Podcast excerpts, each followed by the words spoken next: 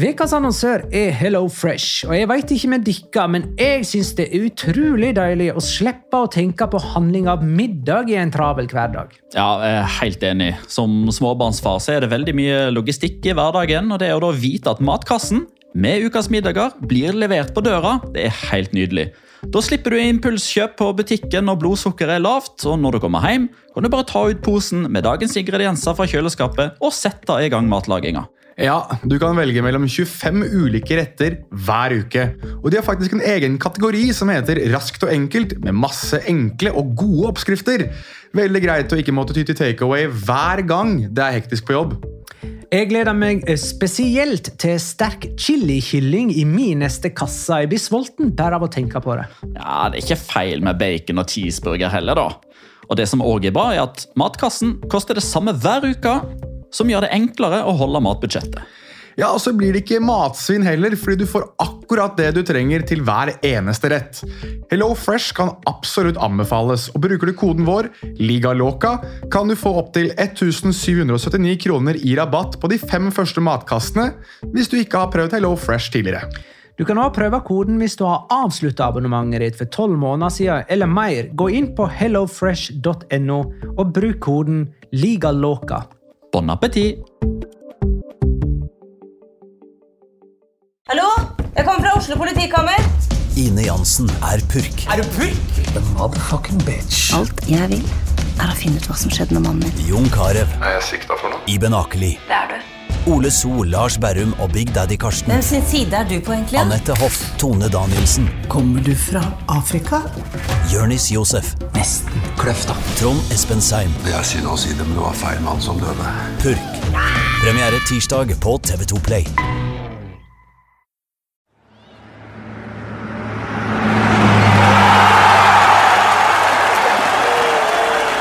Denne podkasten er levert i samarbeid med Ford.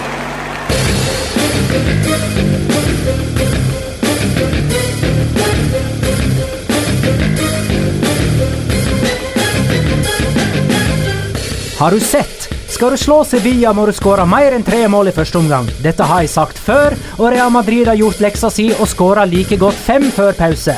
Skal du slå Barcelona, så må du ikke bruke en urutinert 22-åring som får rødt kort hver sjuende kamp han starter! Det gjorde nedrykkstrua Villarreal. Selvfølgelig gjorde de det. La liga loca. En litt gærnere fotball. Ho, ho, ho. Hæ?! I studio sitter jeg, Magna Kvalvik. Hei. Og du, Jonas Giæver. Hei. Hei. Og du, Petter Wæland. Hei. Ja da. Skal vi begynne med den kampen som på en måte er sterkest i vår erindring? Dvs. Si den eh, siste vi har sett, på en måte. Villarreal Barcelona 0-2. Luis Suárez er det eh, Jeg kommer til det. Ja, det. Luis Suárez og Lionel Messi uh, skåra mål i. Hva er, er inntrykket, Petter? Nei, altså jevnt spilt de første 60, 11 mot 11, og så mister Daniel Raba hodet fullstendig. Og ja, altså Når jeg er på vei hjem fra kommentering på kvelden, så pleier jeg å høre på et program som heter Tiempo de Juego på Cadena Cope, spansk radiokanal. Eh, og da har du noe som heter tertulia. altså der, Da sitter det en gjeng og diskuterer uh, forskjellige sånne poenger som har skjedd i kampene. Snakker de i munnen Ballon på d'Or eller sånn. De snakker i munnen på hverandre og er som regel uenige. Men uh, denne gangen så stilte programleder Juanma Castaño følgende spørsmål. Er det noen som er uenig i utvisningen av Daniel Raba mot Barcelona? Og for første gang i et radioprogram så har det vært stille i tre sekunder. Så klar var den utvisninga. Eh, og det er vel eh, grunn til å kjøre den samme stillheten her. Ja, det er ikke noe å utsette på den. Den er grisete, den er stygg og hører ikke hjemme på en fotballbane. Og det er helt kampavgjørende, for Villarreal er jo gode Mm. fram til den utvisningen der. Og eh, la meg bare legge til, som de kanskje også forstår av introen min eh, dette, var, dette var den andre kampen fra start for eh, Raba. Nei, unnskyld, hva han heter Rad? Ja, Raba. Ja. Ja, ja, da er det Raba.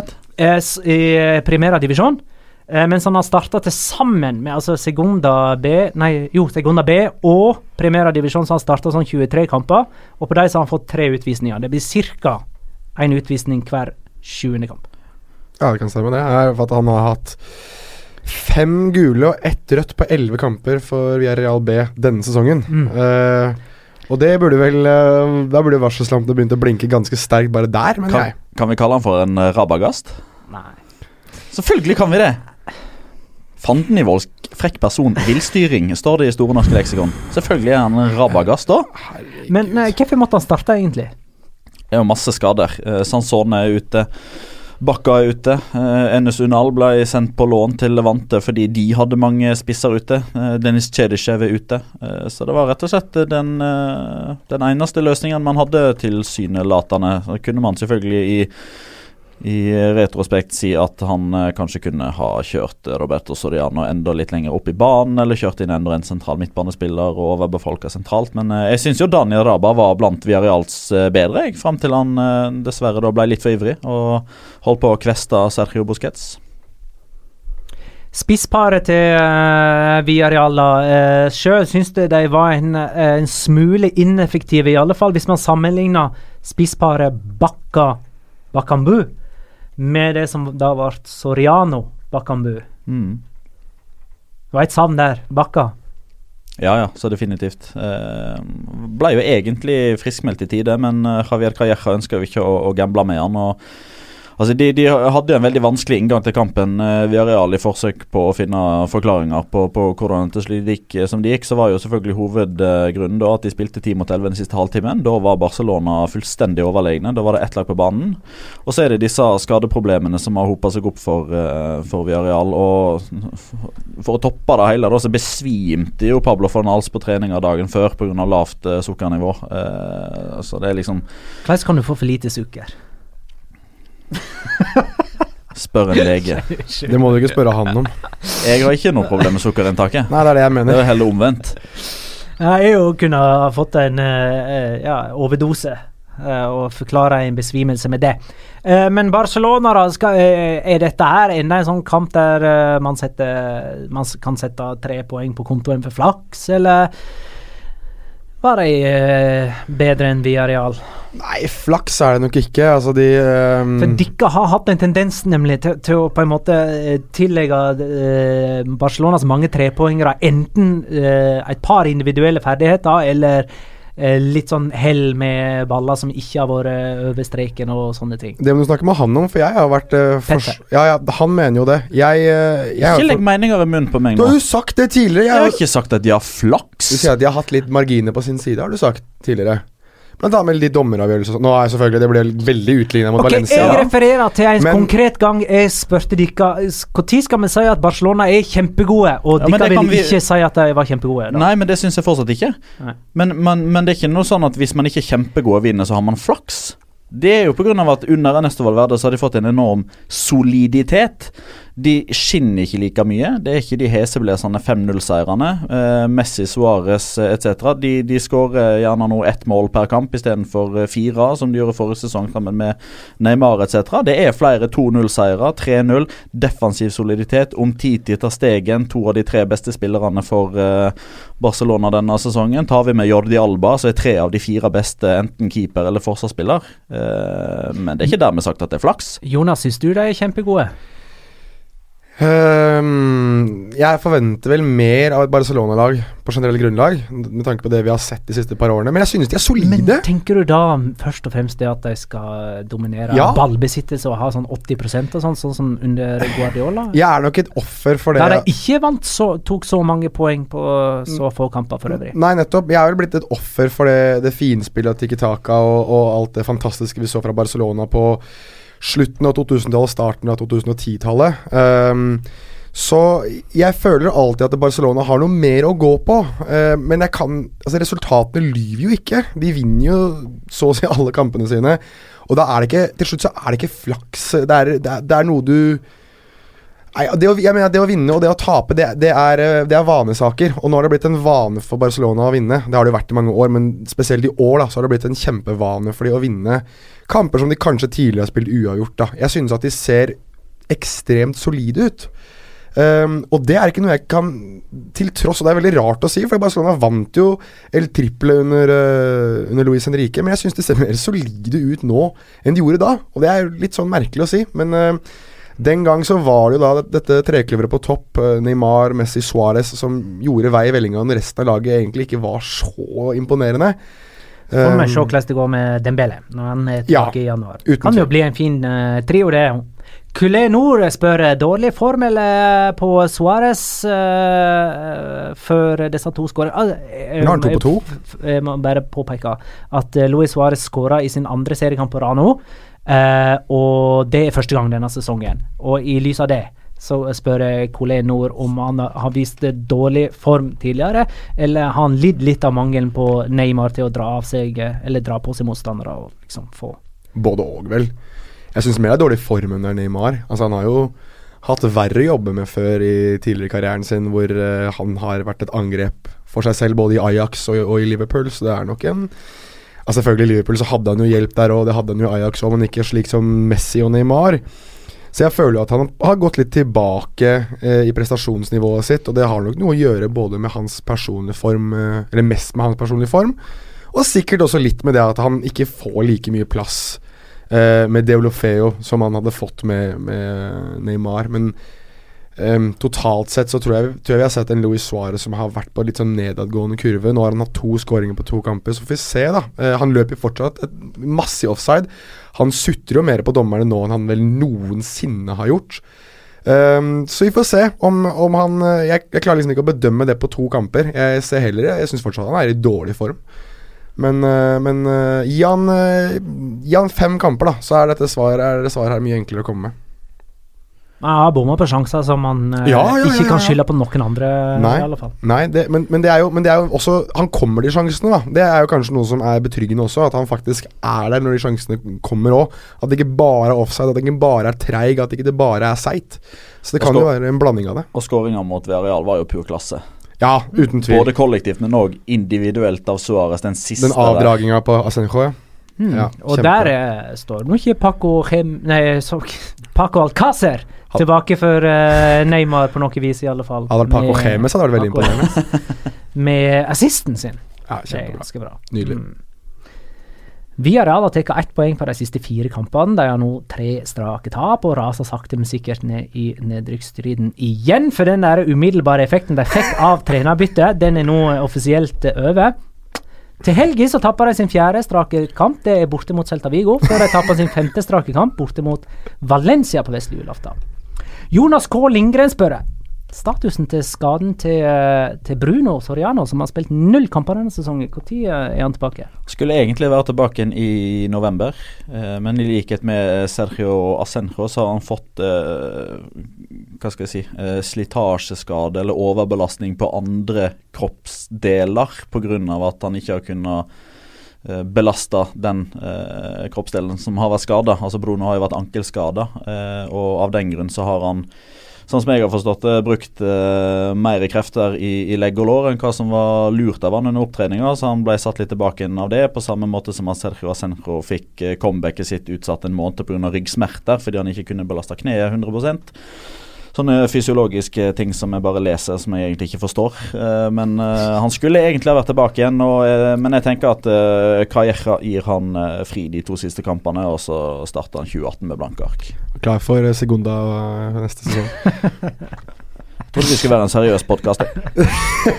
Viareal har for øvrig trukket Lyon i Europaligaen og ryker dermed ut uh, i neste runde. Men de er nå med helt fram til februar, i alle fall. uh, men Barcelona møter Chelsea. Wow! Ja, Det er kjempekamp. Det er jo Tom Henning Øvrebø Derby, det. Uh, det var sånn her 40 sjanse for at Chelsea og Barcelona skulle møte hverandre. og dermed så måtte det jo bli det skjer, det skjer, jo litt for ofte, synes jeg, at de to møter hverandre. Også. Det er vanskelig å vurdere sånne oppgjør eh, i desember, når vi vet at det kommer eh, januar eh, imellom. Mm. Uh, sitter med med inntrykk nå, nå, er på en måte du vår uh, Premier League, vårt Premier League-alibi, Jonas. Sitter ja. du med en følelse av at uh, Chelsea kommer til å foreta seg mer i januar enn det Barcelona gjør? Oi, det er et veldig godt spørsmål. Det er jo litt ankepunktet mot Chelsea i eh, liksom folks vurdering av deres sjanser i Champions League.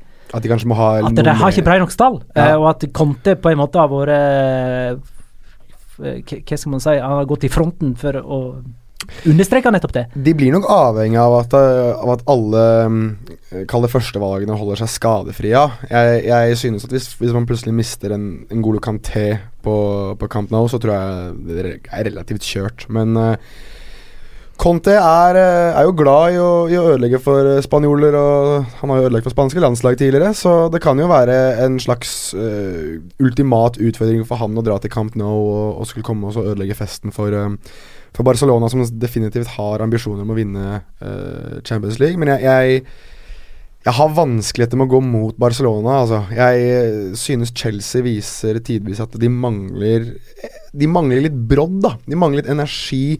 Spesielt etter at de har spilt en del kamper, så, så ser det litt sånn daffe, og det kommer gjerne sånne nedgangstider for dem i løpet av en sesong som ødela, eh, som ødela litt grann nesten i fjor, og så klarte de å ro det i land, eh, og som ødela litt i starten i år. Så jeg eh, jeg er litt sånn jeg, ikke, jeg vet ikke helt hva jeg skal tenke om Chelsea så langt. Jeg synes at de var veldig imponerende i den gruppa si, i, i, eh, med Atletico Madrid. Etter andreplass, da. Ja, det ble det til slutt. Um, men jeg syns at de var imponerende, spesielt når de spilte borte mot uh, Atletico Madrid på, på Metropolitano. Så jeg um, Det spørs litt hvilket Chelsea-lag som møter opp, men, uh, men jeg, tror, jeg tror de har muligheter. Uh, og egentlig bedre muligheter enn veldig mange andre hadde hatt mot mot Barcelona. Og Conte er en, er en magiker, så det jeg skal ikke se bort ifra at det skjer noe gøy der. Men jeg, jeg, du spurte om overgangsvindu, og da Jeg vet liksom ikke helt hva, om Chelsea kommer til å foreta seg så veldig mye. Jeg tror det er større sjanse for at Barcelona gjør noe, egentlig. Men spørsmålet er jo i hvor stor grad man kan bruke januarvinduet til å forsterke den tida at man ikke kan hente spillere som har spilt i Champions League Jo, jo. tidligere i sesongen. Ja, det må jo bli uh, Mesut Özil og Alexis Sanchez-signeringer, da, eventuelt. De har jo ikke spilt i Champions League, og det blir jo ingen av de to, tror jeg. De ender vel opp andre steder. Ja. Så um, Hadde de fått inn en, en spiller av et slik kaliber, da, så uh, hadde det nok uh, kanskje endret litt på prosentandelen i forhold til hvem jeg hadde trodd gå videre. Men uh, jeg holder Barcelona som knappe favoritter. Det er en sånn 60-40 favør Barcelona, men, jeg, men du vet aldri. Altså Heldig- de, er, ja. de er gode, Chelsea er gode i, i sånne kamper hvor de, hvor de eksempel ikke må slippe inn mål. Så er de som regel veldig veldig gode. Hvordan vurderer du styrkeforholdet, Petter? 60-40, sier Jonas. Ja. Ja, det er faktisk det samme prosentvurderinga som jeg har. Jeg føler Barcelona normalt sett skal gå videre, men at de overhodet ikke får det enkelt. Nei. Eh, men jeg tror det at, eh, at de får De får, på liksom, de får liksom unnagjort den eh, 90-minutteren på Stamford Bridge før de skal til Camp Nou. og Ja, for det er der de spiller først på Stamford Bridge? Ja, for Ok. okay. avslutter alltid hjemme. Eh, så eh, siste kampen er på Camp Nou. stemmer det. Og der eh, er Barcelona en seiersmaskin. Eh, fikk de riktignok bare ett poeng mot Celta Vigo sist, men Celta Vigo er giant killers. Skal ikke nødvendigvis legge så veldig mye i det. I en normal kamp der så vinner jo Barcelona ut ifra sjansestatistikken, at de fikk en scoring og annullert for offside den type ting. Eh, samtidig så har man jo liksom den historikken da mellom eh, Chelsea fra både 2006 og 2009 og 2012. Eh, så jeg er liksom spent på hva slags overskrifter vi sitter igjen med etter 2017. Det skjer noe ekstraordinært. Det er alltid et eller annet. Det er, men jeg, jeg tror at det å spille mot Barcelona passer Antonio Contes stil så fantastisk bra. Han elsker jo å kjøre på kontra, ligge litt dypt og så bare suse i gang med Pedro og med Hazard. Ehm, og, og, og Morata. Morata mot Barcelona kan jo bli kjempespennende, det òg. Hvordan er eh, Barcelonas erfaringer med sånn type 3-5-2 eller 5-3-2? Det har de vel nesten ikke møtt. Nei. eh, Juventus i så fall. Ja, og Girona, kanskje? Ja. Da vant de Ja, 3-0 da etter at 3-0 borte. Det var uh, Girona skåra to sjølmål Ja, først. det var den Pablo Maffeo-kampen Ja, nemlig. med Stemmer det. på Messi. Men de sliter Ja, for det er jo de det sliter først og fremst Real Madrid som sliter mot uh, sånne Ja. strukturer. Men Barcelona har jo, har jo historisk slitt mot lag som ligger veldig dypt og som kjører på kontringer. De har jo tapt mot Chelsea før på det, tapt mot Inter i 2010 på det. Så det er jo noe de har historikk for å slite mot. da Så eh, gjenstår det å se om Ernesto Valverde har en annen måte å se det på enn eh, Pep Guardiola og Hvem var den andre? Guardiola og Eller var det kanskje Guardiola begge gangene? Var det Tito? I 2009 og 2012, begge var Guardiola, ja. Ja. Jeg måtte regne meg fort ut her. Det var Guardiola begge gangene, så det kan jo være at det er bra at de har en litt annen En trener med litt andre impulser, da. Men uh, du skal få lov til å si et ord eller to om uh, Villarreal mot uh, Lyon, Petter. Vanskelig. Det er det, rett og slett. Eh, men, men selvfølgelig det, du Lyon har vært bra i ligaen. Ja, men liksom, du, du er litt inne på det sjøl. Vi kan sitte og synse veldig mye nå. Eh, så blir kampen spilt om to måneder, så ting, ser ting annerledes ut. Plutselig så er Nabil Fikir solgt. Mm. Eh, plutselig så er han eh, skada. Eh, plutselig så har vi areal fått alle nøkkelspillerne tilbake igjen, og plutselig så ser de bedre ut enn hva de gjør akkurat nå i midten av desember. Så, men i utgangspunktet så syns jeg Lyon skal være favoritter der. Eh, altså bak, bak PSG så er det jo et, eh, et kobbel på, på tre. Lyon, Monaco og Marseille. Av de tre, eh, av det som jeg har sett av fransk fotball denne høsten, og tatt i betraktning Monaco sin skuffende innsats i, i, eh, i Champions League, så syns jeg Lyon ser sterkest ut av de franske. Det er selvfølgelig et godt stykke bak PSG. De er iallfall de beste individene offensivt, vil jeg mene. Altså det, er, det er mye spennende offensivt talent der, og i tillegg så har de han Hossem Awar på midten, som øh, visstnok hele Europa driver og jager etter nå. Så det kan jo bli hans sesong i, i Europa League, og, og for Lyons del Så jeg, jeg tror de går De burde vel kanskje egentlig gå videre. Beklager, jeg vet at uh, det kommer til å bli trist med både tidlig, tidlig exit i Europa og nedrykk, uh, Petter, men uh, Men det kommer jo ikke til å bli noe skuffende allerede, for jeg har jo forberedt meg på det nå siden desember. Siden desember. Nei, siden sep september var det vel Ja, du sa det første gang. annonserte det Nei, på det eh, overgangsvinduet siste dag at uh, har kom til å kjempe mot nedrykk. Ja. Men de har skifta trener siden da, da, og de lå på nedre halvdel da jeg uh, sa det.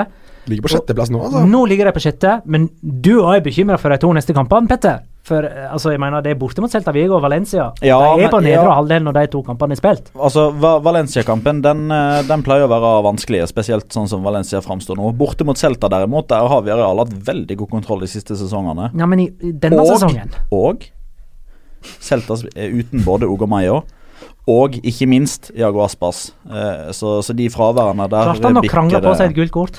Selvfølgelig gjorde han det. Det gjorde han. Med vilje. I samarbeid med Ford så kårer vi ukas eh, Fiesta og Fokus. med bønder med ukas Fiesta. Fiesta. Fiesta. Fiesta. Ja, det gikk sånn noenlunde. Hva ble det sist gang? Real Madrid-Sevilla 5-0. Mm. Fiestaen går til Real Madrid sin første omgang. De skårer altså fem mål. Mm. Eh, og det inkluderer skåringer fra sånne som Nacho og Hakimi. Eh, er det først her uh, Real Madrid viser den bredde, bredden i stallen som, som vi brukte som argument for at de skulle vinne hele La Liga denne sesongen? Ja. Hakimi starta, Nacho starta, Barrejo, Ascencio, Cristiano Lucas Vasques. Vi har jo tidligere falt Backupen òg som nummer ni, Benzema starta. Det har jo tidligere falt når de har prøvd det der, da. Hæ? De har jo tidligere tapt når de har prøvd å gjøre dette. Har de? Har de? Ved å bytte ut laget sitt ja, og, og spille med et B-preget mannskap, så har de jo tapt uh, I hvert fall spilt uavgjort, vel? Mot Ja, kanskje Levante. Levante-kampen var litt sånn på kanten. Den var vel litt sånn smådristig lagoppstilling. Kan jeg gå med på mail, så har jeg jo Ikke Betis re relativt B-prega òg, eller var det A-prega der? Ja, Betis var det jeg prega mot. Altså, ja, men det spørs jo hva man definerer som B-spillere, da. Det er vel Dette er vel iallfall den mest B-prega lagoppstillingen så langt. Er ikke det Ja, det? Med, det er med Carvajal ute, Ramos ute, Casemiro Eh, ute. Varan ute. ute, Bale ute, ja. Mm. Ja, den er kanskje så går det såpass bra. Det er kanskje den mest B-prega, ja. Jeg kan godt, uh, godt være med på det. Uh, men den første gangen er jo, er jo altså, Nå ødelegger Moriello og Kjær eh, helt da, for alt som er av lagplan og struktur, det som er når de klarer å dulte Kan jeg bare få beskrive den? Ja. Det er etter to Ja, minutter. En corner fra høyre for eh, Real Madrid. Den corneren blir sleget helt over mot bakre stolpe, og der er det kun to spillere. Det er Moriel og Simon Kjær. Riktig. Og Moriel finner på å heade den ballen inn, inn igjen i feltet til Nacho Monreal, Treffer skulderen. Ikke. Nacho Monreal. Herregud. Nå er jeg, nå er jeg, nå er jeg ganske ute, ass. Men Nacho, i alle fall. Ja. Og han skåra. Ja, og da er jo kampplanen for Marpucci kasta i veggen. Marpucci er da assistenten til Sevilla som uh, hadde de denne kampen her i, mens Berizzo får behandling eller uh, rehabilitering, eller hva det blir for noe, etter uh, operasjonen sin for, for kreft. Så da, da var det jo Da var det jo meste var jo gjort da. Og, og, og Real Madrid Men, men det skal også sies at Real Madrid var fantastisk gode i angrepsspillet sitt. Altså De fikk alt sammen så ut å klikke for dem eh, ved flere anledninger. Og spesielt Tony Cross sin scoring var eh, av øverste, øverste hylle. Kan jeg få komme med en Marco Ascencio-stat? Selvfølgelig kan du det. Han har starta ni kamper i serien. Det er endt med sju seire og to uavgjort, med skåring i alle kamper. Vil si 23 mål, altså to og et halvt mål i snitt per kamp. Seks kamper han ikke har starta i serien, har enda med to tap, to uavgjort og to seire.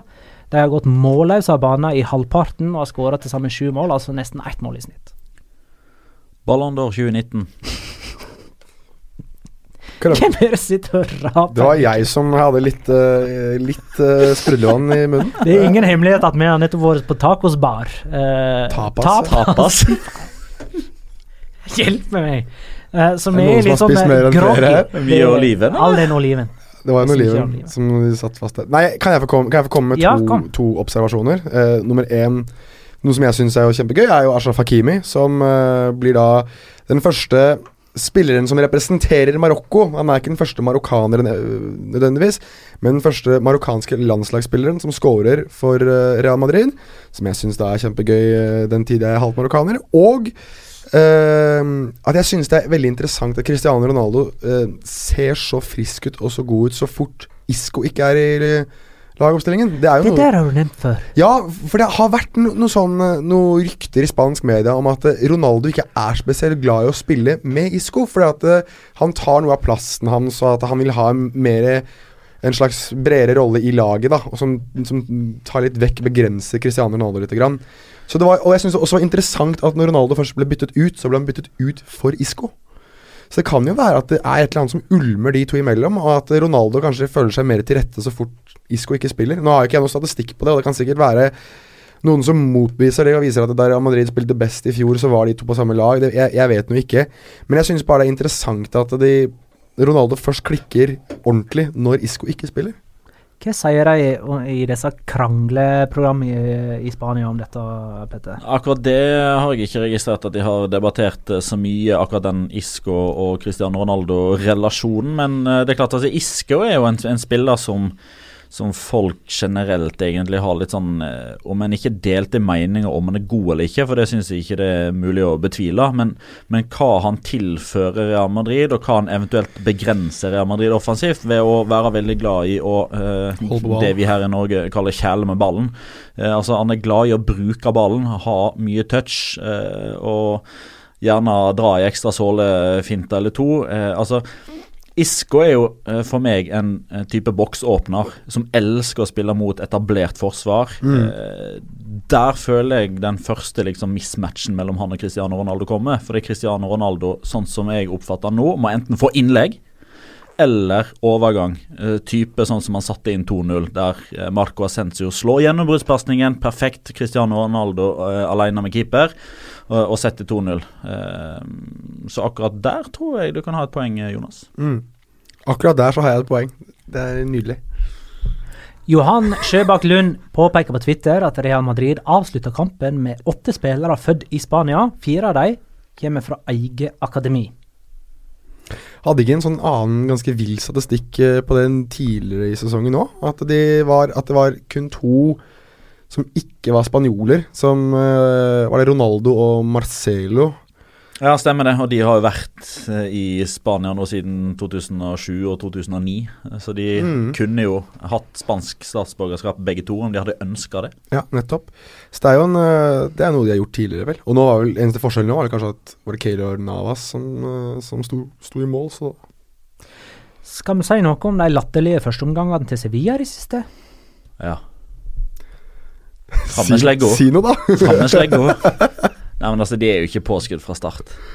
Uh, altså, den uh, Altså Det måtte jo straffe seg til slutt. det var Rett. De kom tilbake mot uh, Villarreal, de kom tilbake mot Liverpool, men altså Men hvor- hvor før eller er seinere så måtte det jo bare gå ad undas. Tre mot Liverpool, to mot Villarreal. Men Nei, det, det var var bare bare ett til Ja, pause, da, men de lå under 2-0. før de snudde.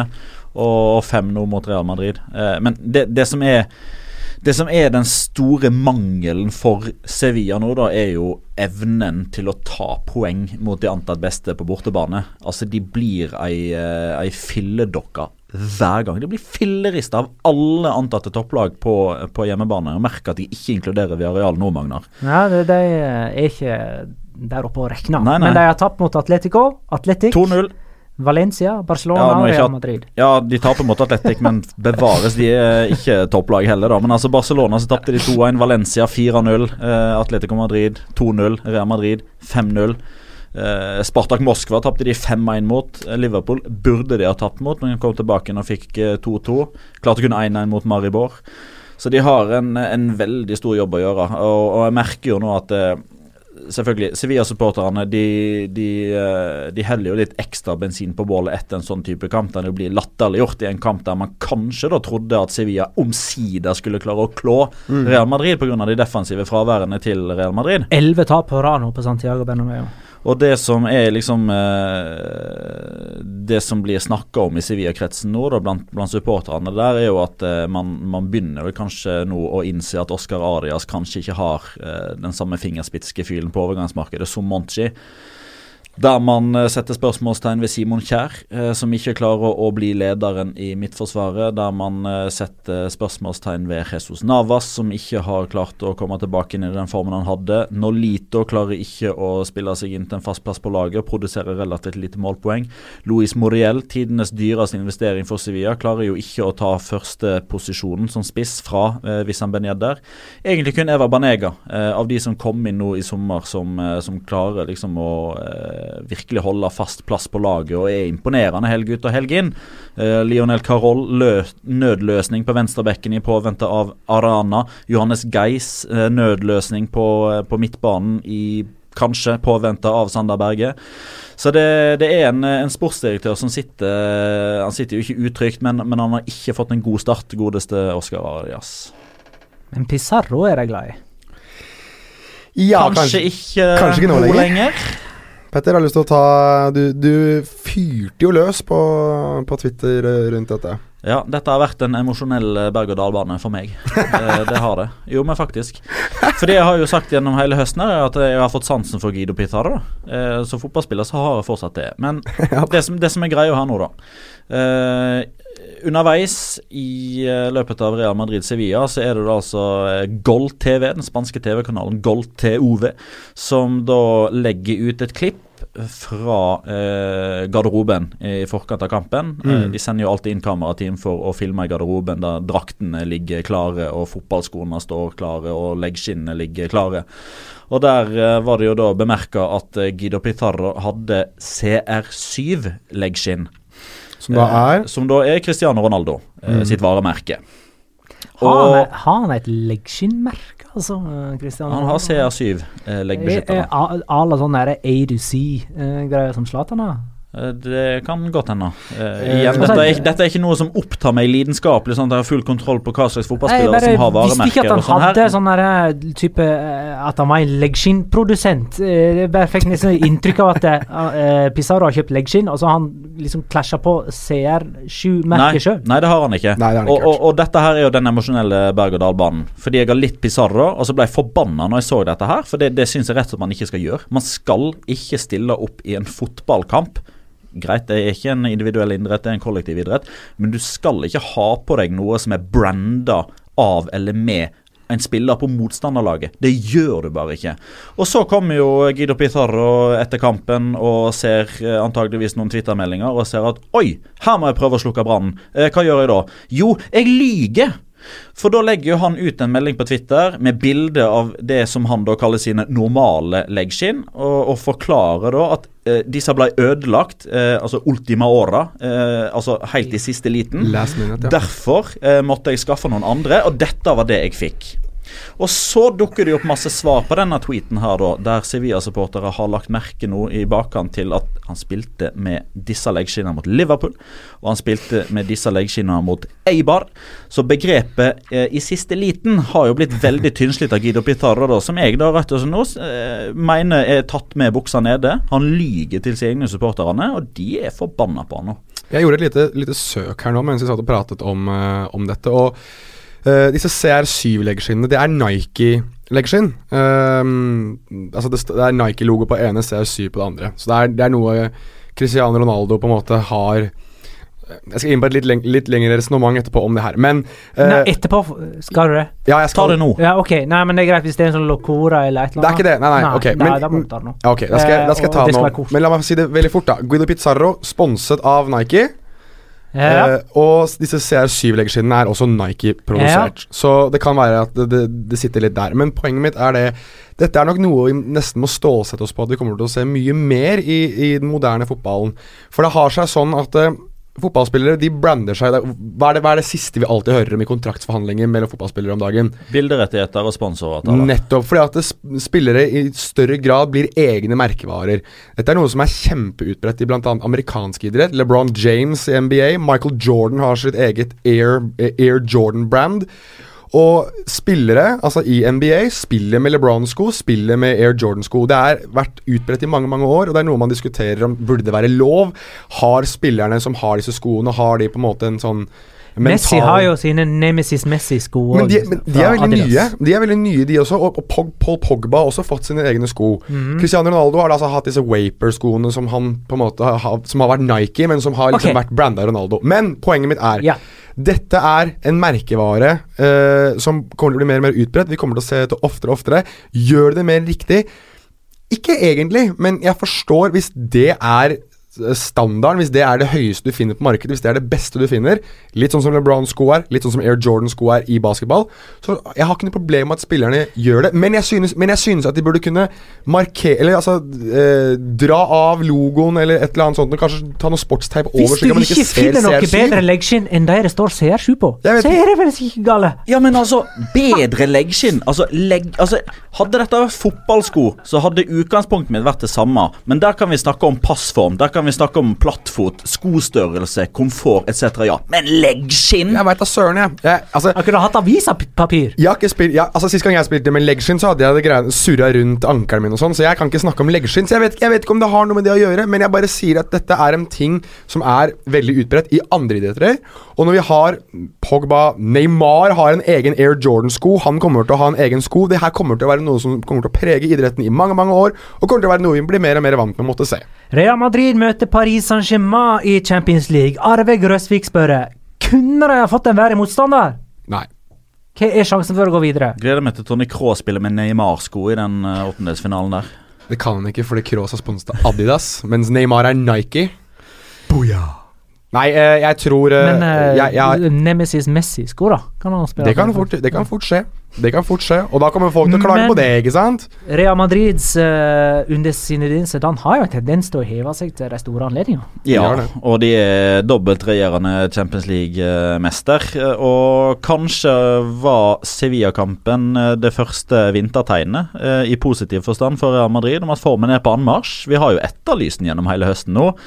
Og personlig så har jo Altså, selvfølgelig har jeg vært kritisk til det Real Madrid har levert, men vi har vel alltid her vært litt sånn trygge på at the best is yet to come. Altså, dette, dette kommer til å løse seg. Real Madrid kommer. Eh, Og nå har de da 5-0 mot Sevilla. Eh, neste gang vi spiller inn podkast, så tipper jeg at vi gratulerer dem med verdensmesterskap for klubblag. Eh, selv om det er et typ filletrofé, så er det fortsatt et nytt trofé som skal inn i skapet. Ikke Sør-Amerika. Det er Nei, nei. dritstort. Jo, men her i Europa altså, De europeiske lagene tar jo det trofeet der 19 av 20 ganger. Er Og, og Real Madrid kommer da til å spille med nytt sånn der eh, Fifa World Cup 2017-emblem på, på brystet for større selvtillit etc. Og så kommer El Clásico. Eh, og, og den Og da ligger de fort 11 poeng bak. Ja, fordi de da har én kamp mindre spilt, og Barcelona spiller hjemme mot Deportivo denne, denne kommende serierunden. Men den El Clásicoen herregud så viktig den er for Real Madrid. Ja, den er kjempeviktig.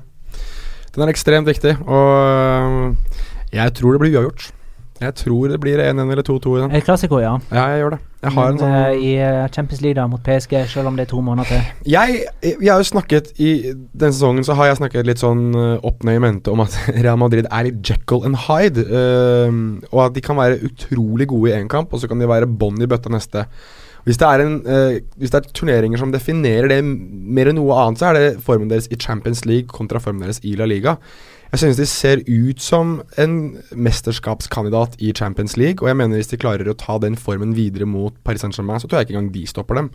Så det kommer litt an på motivasjonsnivået deres. Det kommer litt an på um, egentlig hvem som også er skadefri. Altså de, de, de Mister de Ramos for eksempel, til en av de kampene, så, så endrer det seg. Jeg tror at i kamper mot uh, lag som Paris Saint-Germain, så, så, må du ha alle nøkkelspillerne dine. Da, da, da, da gjelder ikke bredde. Da har ikke bredde noen ting å si. Nå har vel eh, PSG nådd sin limit for lengst hva angår innkjøp av nye spillere. Så, så mye de får gjort i januar, det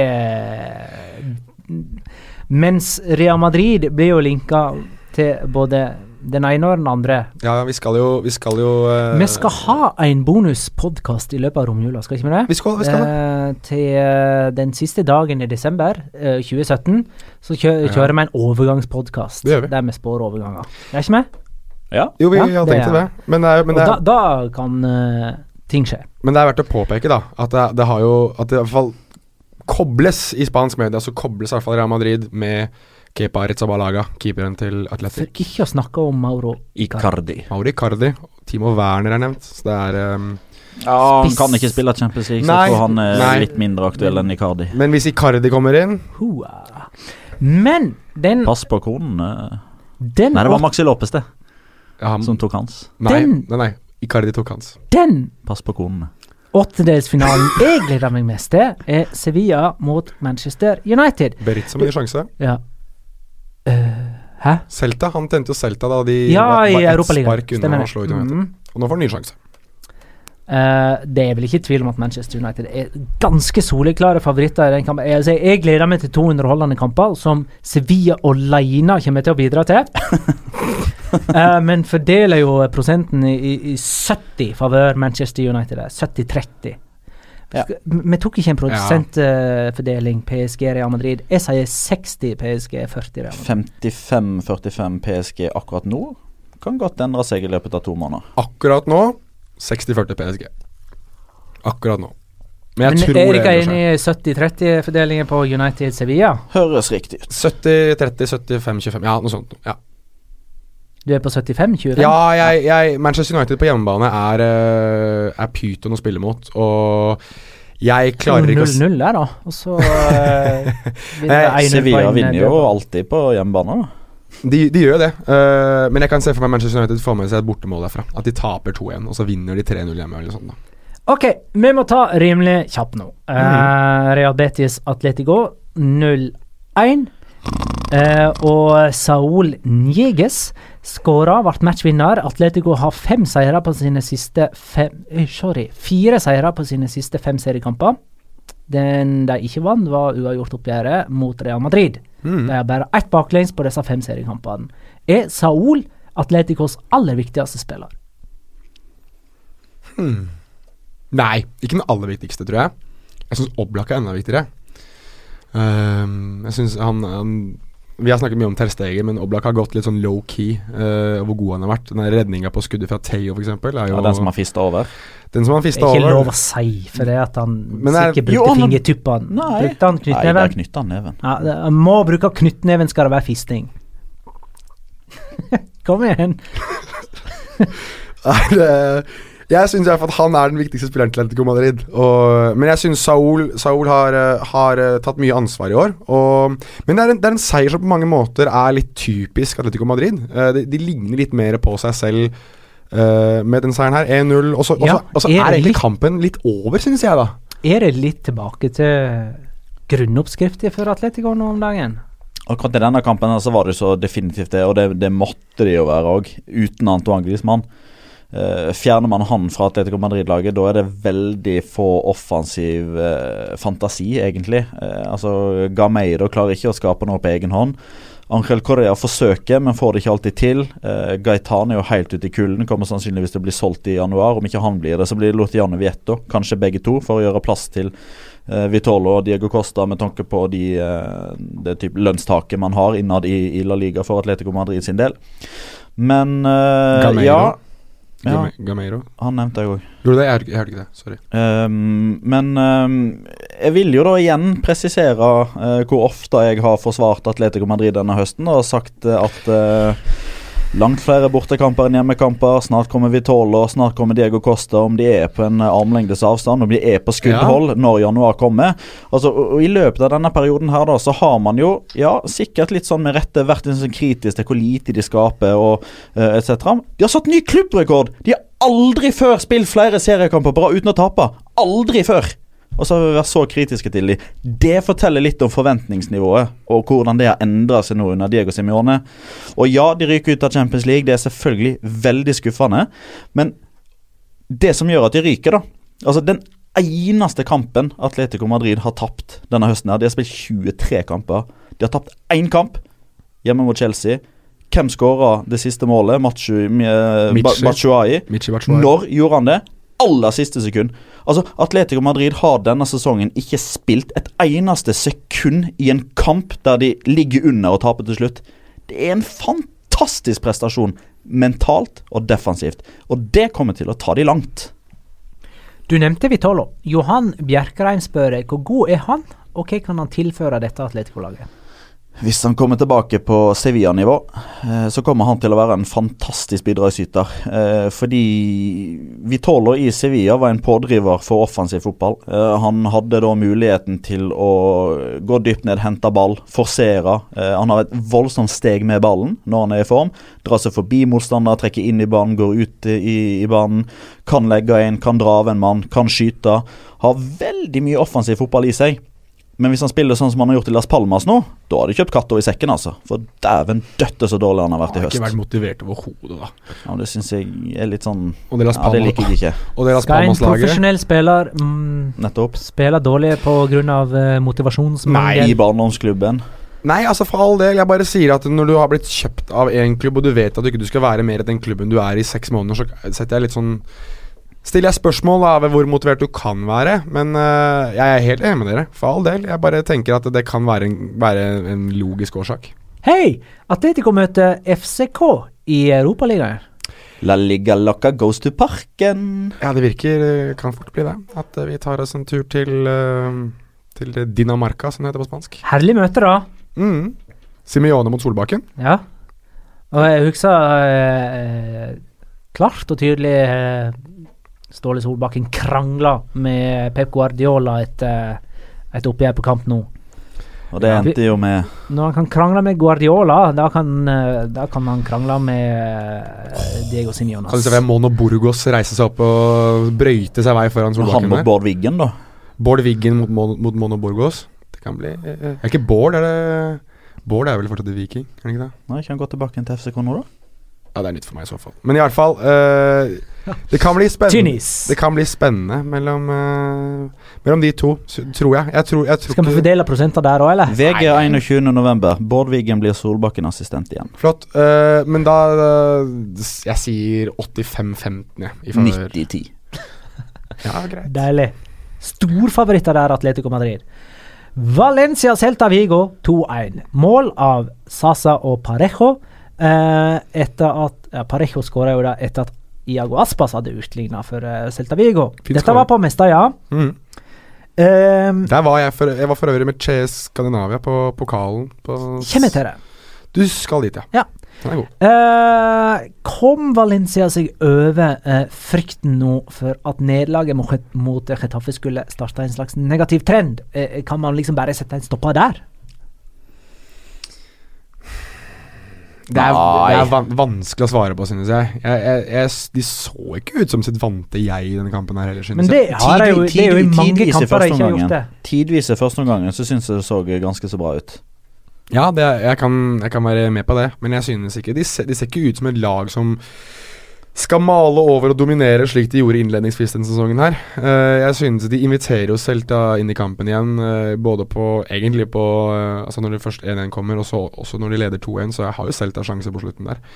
Så jeg, jeg er ikke solgt, og jeg synes jo det straffesparket de får, er jo det er jo billig. Det er veldig billig. Jeg, jeg, syns, syns, det er greit at de får det, men det jeg reagerer på, er at da Celta ikke får tilsvarende i, i første omgang. Ja, for, for, det er rent sånn umiddelbart eh, Jeg kommenterte jo kampen, eh, så, så, tenkte jeg sånn Oi, eh, blåser du virkelig der, dommer?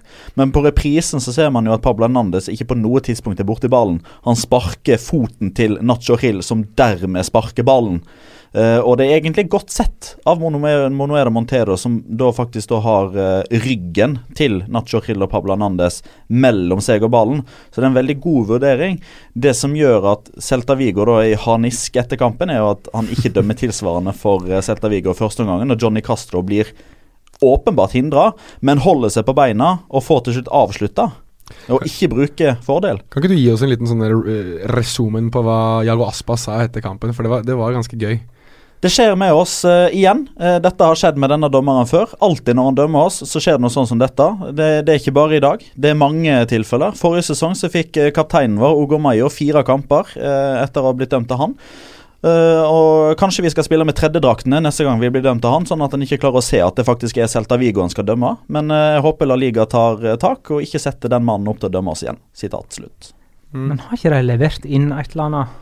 Jo, Celta Vigo. Eh, Celta Vigo fra offisielt eh, klubbhold har eh, sendt et skriv til de som styrer dommeroppsettet i det spanske fotballforbundet, og bedt om fritak fra å bli dømt av Monoera Montero igjen. Har vi sagt hvor mange kamper de har dømt, og han har dømt Celta Vigo, og seks. hvor ille det har gått? Seks kamper, seks tap.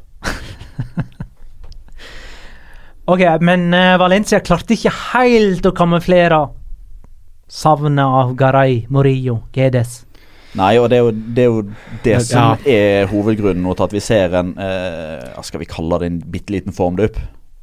Kan godt kalle det og jeg er helt enig med deg. Men eh, Ruben Westhaugen er jo å score i, helt i starten av kampen nå, da. Men, ja, da. men nei, jeg, jeg, jeg, synes at det er, det er, veldig klart for meg at de mangler en leder. Og vi har jo snakket om det Vi snakket om det i starten. Ja, i, i midtforsvaret. I midtfor, ja. men, men, egentlig da også, hvis du har en leder i midtforsvaret, så vil jeg mene at det også er en leder i laget. Uh, ja, men jeg, jeg syns Dani Parejo nå faktisk er den kapteinen som han har blitt satt til å være. Som han ønsker at han skal være. Jeg er ja. veldig imponert over Dani Parejo i høst. Ja, jeg kan være med på det. Jeg kan være med på det Men jeg synes uansett at de ser ut som de mangler lag når Garay ikke spiller. Ja. Altså, så, nå, så, nå, må de jo egentlig bare forsøke å avslutte 2017 på en god måte. De har Eibar borte og, og Viareal hjemme. Jeg tror de tar minimum fire poeng der. Da skal de være superfornøyd med høsten. Ja, så får de et lite opphold og så en cupkamp mot Las Palmas før seriespillet begynner igjen da eh, andre helga i, i januar. Sannsynligvis med både Garay og Geders tilbake igjen. Hvor lenge er Garay ute? Han skal være klar igjen nå, kanskje allerede til den neste kamp mot Eibar. Jeg tror det er eh, Jeg, Sikkert litt sånn brannfakkel, men jeg syns det er et større tap for dem enn Geders. Eh, Barcelona topper La Liga. Fem poeng framfor Valencia. Ett poeng bak der igjen er Atletico Madrid. Et, to poeng bak der igjen er Real Madrid.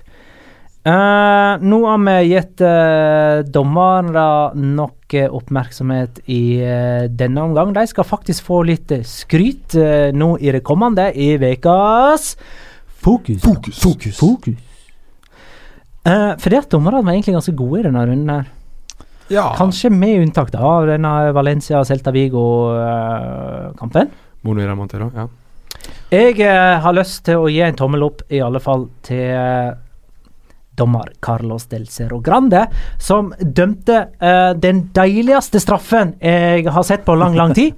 Uh, og jeg har lyst til å forklare det. Uh, Malaga-spiss Borja Baston uh, runda Real Sociedad-keeper Geronimo Rulli.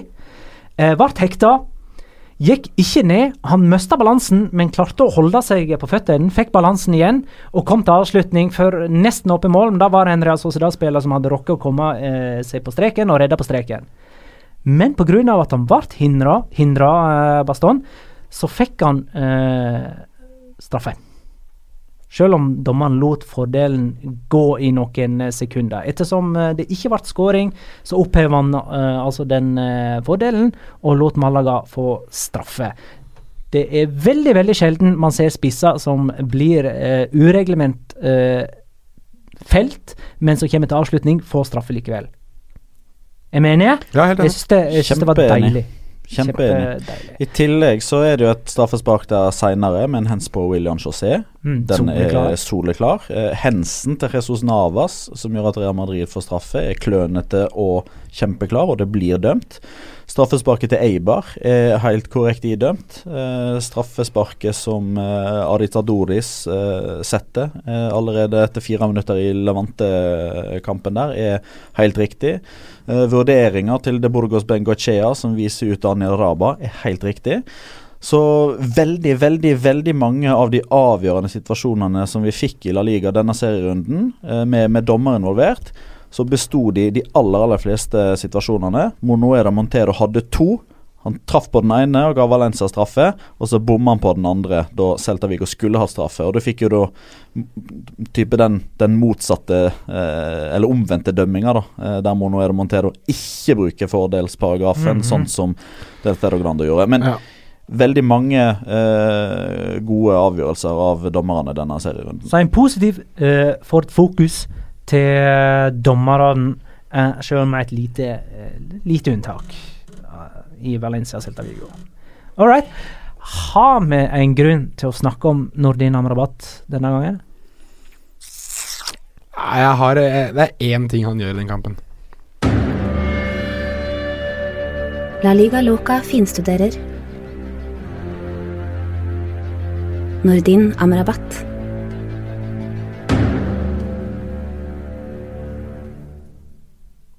Ja, det Som jeg sa, det er ikke sånn supermye å ta, men, eh, men eh, han eh, sitter jo på benken igjen, da, Nordin Amrabat. Det er jo eh, Det gjør det jo eh, at jeg må se litt mindre av han hver eneste uke, og det er jo for så vidt ganske deilig. Men han kommer innpå i det 54. minutt, vel, da Leganes jager uh, Depor på stillingen 0-1. Altså 1-0 i favør til Deportivo la Coronia etter skåring av Adrian Lopez. Men uh, det eneste jeg noterer meg egentlig virkelig som er gøy med Norden Amrabat denne gangen her, og som virkelig eh, understreker det krigselefant-stempelet han har fått, er i det 63. minutt, da han først løper ned to Depor uh, midtbanespillere. Og da mener jeg løper ned. De begge to faller over. Han faller over de begge to, reiser seg opp igjen, fortsetter videre med ballen, og så kommer Adrian Lopez for å prøve å ta ballen av han. Og han slenger ut armen sin, og de som, det er ikke alle som kan dette begrepet, men i amerikansk fotball så er det noe som heter stiff arm, hvor du bare tar tak i motstanderen din med ene armen, og så bare vringer den bortover eh, på andre siden av Eller hvor som helst, egentlig, på banen. Og Adrian Lopez flyr veggimellom. Og Amrabat fortsetter videre før han eh, avleverer ballen. Det ender i ingenting, men eh, det er litt som å se han derre guttungen på si tolv år spille med sjuåringer og bare kaste de rundt omkring. Um, dog ikke med samme, samme ferdighetsnivå foran mål som kanskje en tolvåring hadde hatt over sjuåringer. Men uh, helt klart uh, en interessant eh, en, egentlig en interessant episode som oppsummerer Nordin Amrabat. Så, så hvis, hvis man har den kampen i opptak, skru til minutt 63, se det raidet der, eller hva du nå har lyst til å kalle det, det, det løpet der, og, og tenk krigselefant. Så skjønner du hvorfor Jonas sier dette uke inn og uke ut. Marokkos viktigste spiller i eh, VM om et halvt års tid der, altså. Nå skal vi slå sammen to eh, spalter. Eh, det er trenere som fremdeles er trenere, og trenere som nettopp har blitt trenere. Kanskje ikke nødvendigvis for aller første gang, men som har nettopp blitt i sin nåværende klubb uansett. Abelardo har to strake seire med Alves. Hei! Slo Las Palmas hjemme etter skåringa av eh, Ibay Gomez og Monir, de to glemte stjernespillerne. Som kommer til å skyte Alaves til ny La Liga-kontrakt, som meldt i uh, slutten av august. Ibay, nei? Og nei, nei, eh, Monir El og Bojan. Bojan kommer.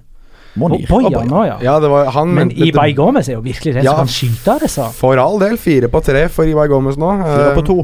Er det på to, ja?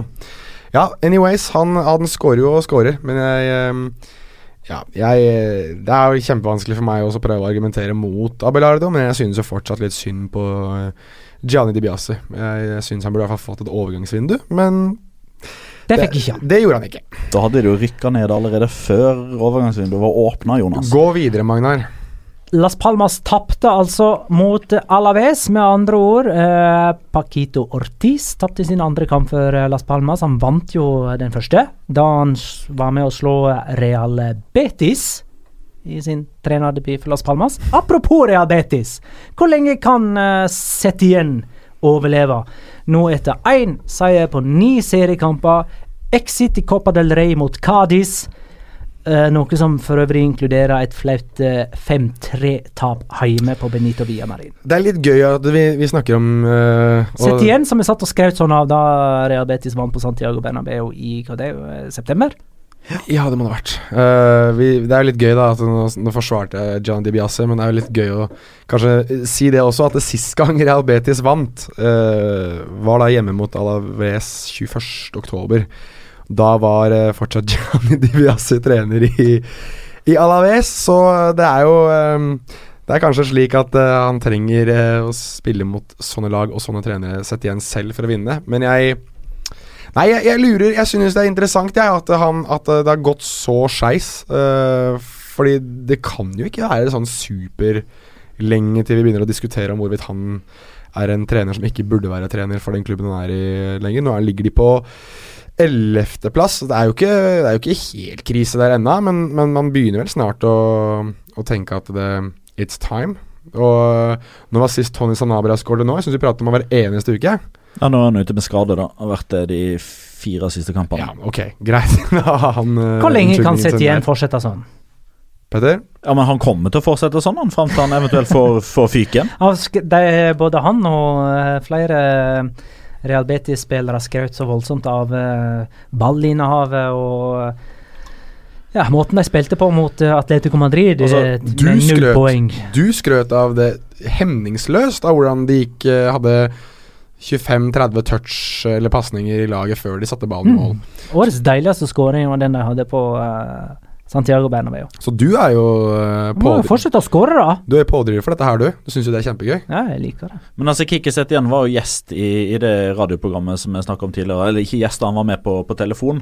Uh, og da Han forsvarte jo uh, sin hva skal jeg si, fotballfilosofi etter kampen mot Atletico Madrid, for han mente jo at hvis ikke den prestasjonen, spesielt i første omgang, eh, mot et såpass sterkt lag som Atletico Madrid hvis ikke, hvis ikke, den omgangen er nok til å få Betis-supporterne til å forstå eh, at her, her finnes det noe, her er det noe å jobbe videre med, eh, da kan jeg rett og slett ikke gjøre noe annet. Eh, så han er jo åpenbart fortsatt veldig fornøyd med sin måte å spille fotball på. Og det er en sånn type fotball Han, han går i graven med den. Og det var det som var litt sånn uh, interessant i forkant av Betis Atletico. For der får du hver sin ytterpunkt på trenerkabalen. Uh, mm. Der du har Kikiset igjen, som skal ha ball, som skal spille seg ut bakfra. Ballen skal gå kjapt, langs gresset. Uansett hvor dårlig teknikk midtstopperparet har, så skal de slå flest pasninger i løpet av en kamp. Antonio Adan, hjelpeløs med ballen i beina, skal alltid spille seg ut kort mot at eh, Atletico Madrid og Diego Simione, eh, som helt åpenbart har, et mantra om at eh, så, lenge de vinner, så driter han i hvordan prestasjonen er. Så lenge det er guts, så lenge det er trøkk, så lenge det er aggressivitet, så lenge det er stram struktur osv. Mm. Eh, og det var jo ikke noe tvil om hvem som vant eh, den taktiske kampen. for altså Underholdningsverdien var terningkast én i Betis Atletico Madrid. Det var en mm. forferdelig kjedelig fotballkamp. Jeg er helt enig. Uh, hvor lenge kan Eusebio Sakristan sitte i Real Sociedad med fire seriekamper på rad uten seier? Tap hjemme for Malaga! Oi, oi, oi. Første, hjemme, eller første borteseieren for Malaga i år, vel? Ja. Første bortepoenget, faktisk. Ja. Og Copa del Rey exit mot Lleida Esportio fra Segunda B. Kom, der kom du veldig høyt. Imponerende, Magne. Imponerende katalansk. Ja, for jeg, hadde lyst til å si Esportivo, uh, men det er jo ikke Nei, jeg syns du løste den bra. Mm -hmm. De ligger på niendeplass for øvrig. Altså ja, forbløffende høyt oppe men så ja, dårlig form. Egentlig. Egentlig. Det er uh, Vi kommer vel tilbake til, uh, til litt etterpå igjen, men, men Nei, jeg synes Altså, det skorter jo begge veier der. og når det ikke går veien overhodet offensivt, slik det var i denne kampen her, så er det jo er det egentlig et nitrist skue, synes jeg. altså. Ja, Johan Sjøbakk Lund vil at vi skal forsvare han eh, pga. Eh, ja, tett kampprogram og eh, vanskelig for å rotere med, med liten eh, stall. De har jo spilt Europaliga torsdager. Ja, men det har han jo rotert mye. Og, eh, ja, ja, men med, kanskje med, med lite roterings muligheter. Altså, det å holde to gode elvere en torsdag og en, en søndag i Real Sociedad kan være utfordrende. Mens uh, derimot Halvard Lindstad emneknagga Eusebio Dimisjon. Så det er jo tydeligvis uh, Det steile fronten ja, nei, ja, jeg, syns, jeg syns bare det var litt sånn allerede, liksom. Eh, det, man må kanskje begynne å uh, Men altså, ha men altså, tanken, men altså så, så fort kan det snu, da. Ja, ja, ja. Altså I løpet av hele høsten her så har vi vært veldig kritiske til Atletic, og vi har latt oss bergta av Real Sociedad. Faktum er at det er Basca-derby på lørdag. Hvis Atletic vinner det, så er de foran Real Sociedad på tabellen. Og for Atletic så peker, Mm. Peker jo pilen oppover. Med gruppeseier i, i Europaligaen. 0-0 mot Real Madrid. Ikke minst. Seier Borteseier mot- nå mot uh, Levante. Ja, For første gang siden slutten av august. Ja. Maritza Doris, gratulerer! Tidenes eldste. Tidenes eldste Atletic-målskårer. Tidenes eldste skårer i, i Er det ikke I La Liga. I La Liga ja. Mm. Kult. Nei, ikke, ikke generelt, men, men for Atletic. I La Liga. Var det bare for Atletic? Jeg Ja. mente, jeg leste jeg feil en gang jeg leste. Ja. Det var på straffe. Ja. Eh, eh, vi må nevne at Real eh, Sociedad møter Salzburg Ja. i Europaligaen. Red, Red Bull. Og Atletic møter Spartak Moskva. Ja. Kan vi også nevne en ting til uh, angående Real Sociedad? Um, vi, har jo, vi er jo veldig glad i Inigo Martinez her, men gud hjelpe meg, altså. På den der, uh, første skåringa hvor han er Altså, det er, det er krise på et høyt nivå. Altså, snur seg med ball mot eget mål og skal prøve å drible av mannen og miste ball og miste alt, og det Ja, han, han prøvde jo ikke å drible, men han skulle Han nekta liksom bare å Han ville ikke skyte ballen ut til kast. Han ville liksom ikke innse at kampen var tapt, så han, han skulle snu seg og prøve å holde ballen i spill mens han klarerte opp langs sidelinja. det høres ut som en dribling for meg, det, altså. Sånn Det er ikke en dribling han han Uansett, uansett, han nektet å spille ballen vekk. Han nektet å gjøre det enkle. Han har for øvrig lagt ut en eh, Twitter-post i dag med liksom eh, der han er veldig innpakka i masse klær med mørk bakgrunn, der du nesten kun ser øynene hans. eh, og eh, Sitatet var vel sånt som sånn, den, den eneste måten du kan takle feil, er å se det i øynene, eller et sånt. Så det er tydelig at han er klar over det sjøl. At uh, her er ikke ting sånn som det bør være. Og tatt sveisen her, han også. Det er derfor han er dårlig. Men styrmannen, som vanligvis spør oss om Mitchell har fått sparken, det har ikke han, eh, ber oss rangere fra én til fem hvem som er med størst sannsynlighet for sparken før jul av følgende. Mitchell, Setien, Cristobal i Deportivo La Coronia. De vant jo nå. Ja.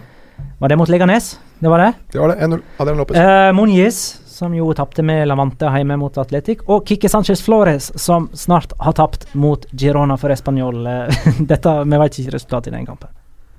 Skal vi, skal vi rett og slett rangere fra én til fem, da? Sant? Skjønner du hva jeg mener? At vi tar liksom den vi tror mest sannsynlig får sparken, og så Ja, og alternativene var Eusebio, Setien, Lopez Moniz, Sanchez Flores og Cristobal. Eh, Nevnte du Mitchell nå? Nei, men da Nei. har jeg en kandidat som ikke ble nevnt nå. Ja, hvem du nevnte nå? Siganda, vel, kanskje? Nei, nei, du nevnte. Eusebio.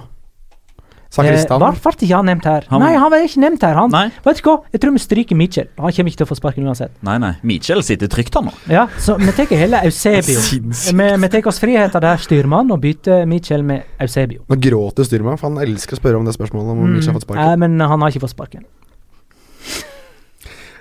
Og får ikke sparken. Ok, jeg s- Kiki sitter igjen. Én. ja, Han er nummer én. sannsynlig. Ja. Mhm. Tror du det? Men det er rett og slett fordi det er snakk om en Betis-trener.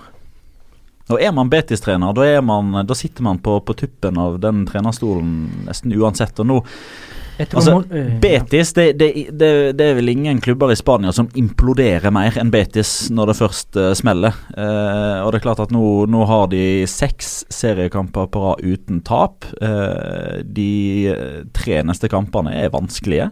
Det er to Andalusia-derbyer, altså bort mot Malaga, som har sju poeng på de siste ni, som slo Real Sociedad sist. Og så er det Og så har de Atletic på hjemmebane, som begynner å komme i rute igjen. Og så er det Derby Sevillano, første kampen i, uh, i januar. Jeg tror ikke vi får flere treneravganger i løpet av 2017, men jeg tror Kikkiset igjen ryker dersom han taper uh, mot eh, Sevilla første serierunden i 2018. Det er vel altså Det er jo relativt åpenbart. Det kunne vel nesten hvem som helst påpekt, at han kommer til å ryke ut taper der. Og det gjør de nok. Så da um, Er det hjemme eller borte, for øvrig? For- Hjemme. Det har ikke noe å si. De evner ikke å ta poeng mot Sevilla nesten uansett. Nei, jeg, jeg vet det, men det er bare det Det, det er liksom det, det lukter bare Waterloo av hele greia. Så øh, jeg har øh, Jeg syns, jeg syns det er vanskelig å rangere, for jeg, liksom den der Johnny DiBiase-greiene tok meg Jeg syns det var overraskende, så jeg har liksom Ja, Men da har ikke du så veldig signaler for å plukke opp sånt, da. Hvis du syns det var overraskende at DiBiase måtte gå. Jeg, synes, jeg, jeg, var, jeg var mer overraska at Paco ble værende lenger enn Johnny. Ja. Eh, da har vi satt uh, Sett igjen på topp. Ja. Men uh, jeg vet jo òg av erfaring at uh, Deportivo la Coruña er, er, er en klubb som fungerer som ei løs kanon på dekk. Men jeg vil ha Kikki Sanchez Flores på andreplass. Ja, jeg satt også og tenkte på han. Ja, Greit, da gjør vi det. Vi må uh, rushe av gårde. Eh, Tre. um, det er enten Cristobal, Cristobal eller Eusebio. Cristobal. Eusebio. Allerede? Nei, altså nummer fire. Eusebio fire. Ja, altså Og Lopez Moniz eh, fem. Fordi der er det, det er liksom forventa at Levante- Levante skal være der. Så lenge de er over streken, kunne- og så lenge de ikke liksom taper mange kamper på rad, så tror jeg han sitter. Ok, Ja, Så den første av disse vi tror ryker, er Setien i Real Betis. Ja. Nestemann er Kike Sanchez Flores i Espanol. Español. Mm. Deretter Cristobal i Deportivo. mm. Eusebio Real Sociedad. Og Moniz Levante.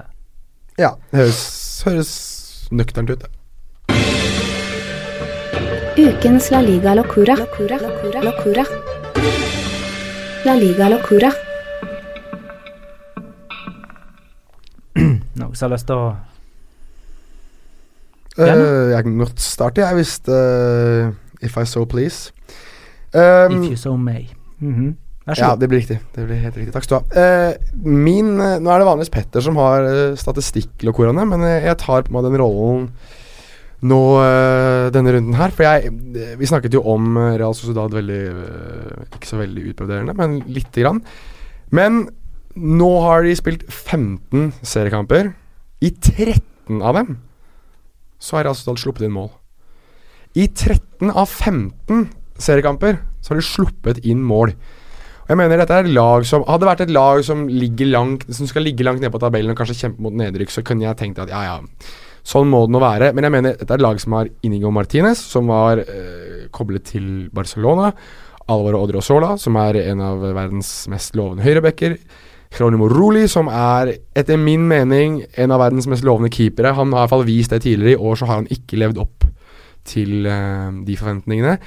Uh, Iarramendi på midten. Det er lag som generelt sett har en ganske god sentrallinje, men fortsatt så klarer de i kamp etter kamp etter kamp å ødelegge for seg selv. Slipper inn dumme skåringer.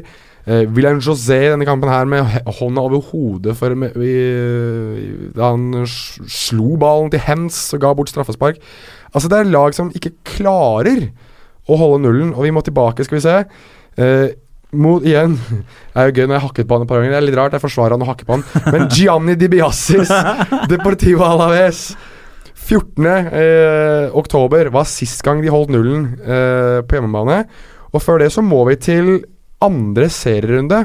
3-0 hjemme mot nedrykkskandidat Villarreal. Eh, da de klarte å holde nullen. Så, eh, og ellers så har de sluppet inn mål. De vinner selvfølgelig her og der, men de slipper inn hele tiden. Og det er eh, ikke verdig Real Sociedad. Petter? Skal jeg fortsette? Du, um, ikke noe konkret som skjedde denne helga, mer et, eh, et faktum, uh, og noe som bekrefter noe vi har vært inne i podkasten tidligere, nemlig skadeproblemene til, eh, til Villarreal. For det som har blitt konsekvensen av det, uh, er jo at uh, jeg har en statistikk her nå på hvor mange B-lagsspillere som har vært i aksjon for de, de 20 forskjellige klubbene i La Liga. Eh, det er en god del som fortsatt ikke har brukt noen, bl.a. Atletico Madrid. De fleste ligger på 2-3. Uh, Real Madrid og Barcelona er, er nest best og tredje best, som har gitt fem unggutter sjansen. Oi. Mm. Villarreal tolv. Det er ganske sykt, altså, etter 22 kamper av en sesong. Så har tolv B-lagsspillere fått spilletid. Mange av dem har fått rødt kort. Én. Og han er en aldri så liten Rabagast. Mhm. Jeg har lyst til å snakke om straffespark. Jehøy, for i denne serierunden så var det seks straffespark. Fem av dem var fullstendig ræva, og likevel så ble det fem skåringer på de eh, straffesparkene. Og hvor ofte kan man si, når det er seks straffespark i løpet av en serierunde, at tre av dem rett og slett er keepertabber? For Sergio Rico skulle ha redda straffen fra Cristiano Ronaldo. Enig. Eh, Ruben Blanco skulle ha tatt straffen til Parejo for Celta Vigo mot Valencia. Enig, enig. Og så var vel faktisk Øyer òg på straffen til Adoris. Men det er ikke en tabbe. Det er ikke en tabbe, men det er Geronimo Rolli sin. For han redda faktisk straffen til den ene straffen til Borja Baston. Mhm. Men man kan ikke slå han ut uh, rett framfor seg. Vet du. Da blir det skåring på returen. sånn som det ble. Man må slå han ut i corner. Keepertabbe. Kjør i Castro. Så eh, tre keepertabber på straffespark. Eh, den mest ræva eh, straffen av de alle står Juan Hordan for.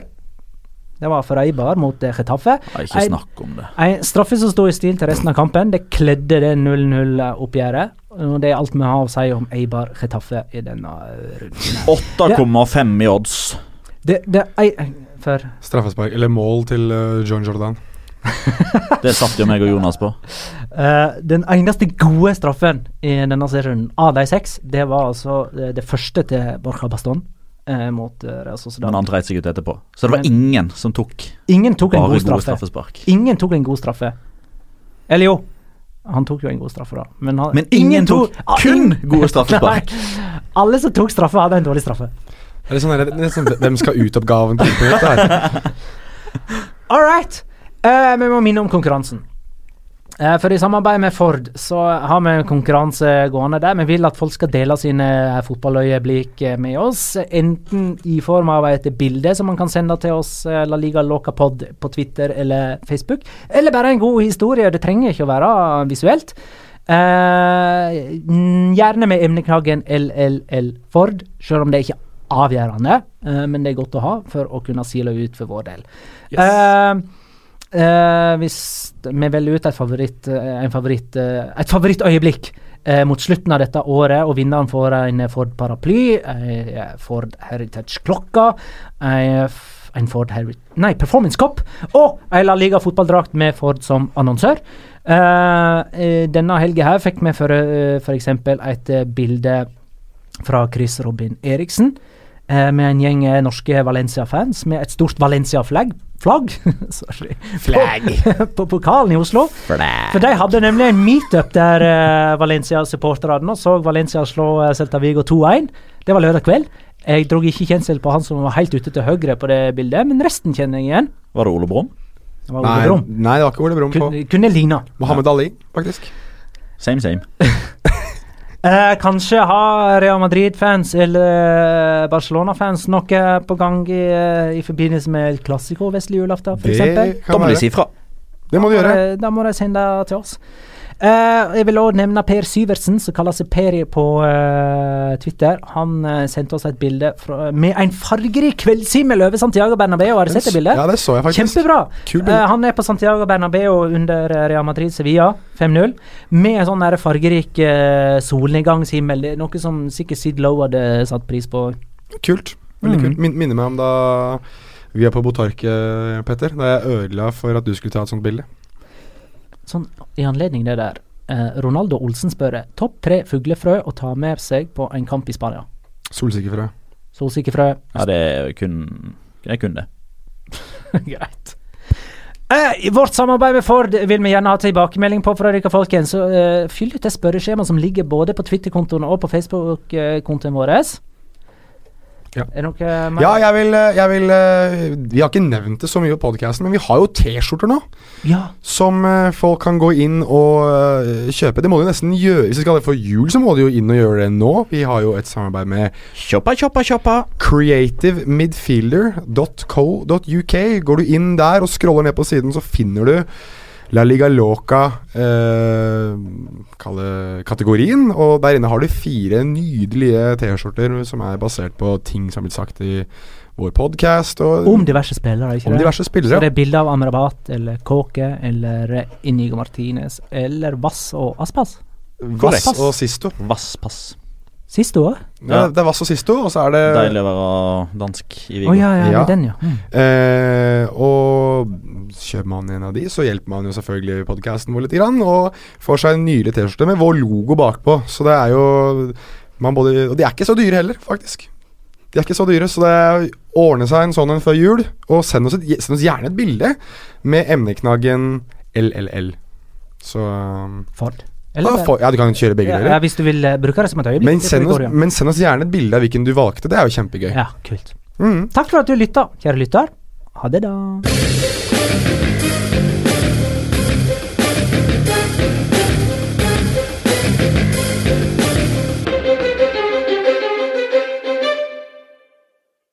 Har du et enkeltpersonforetak eller en liten bedrift?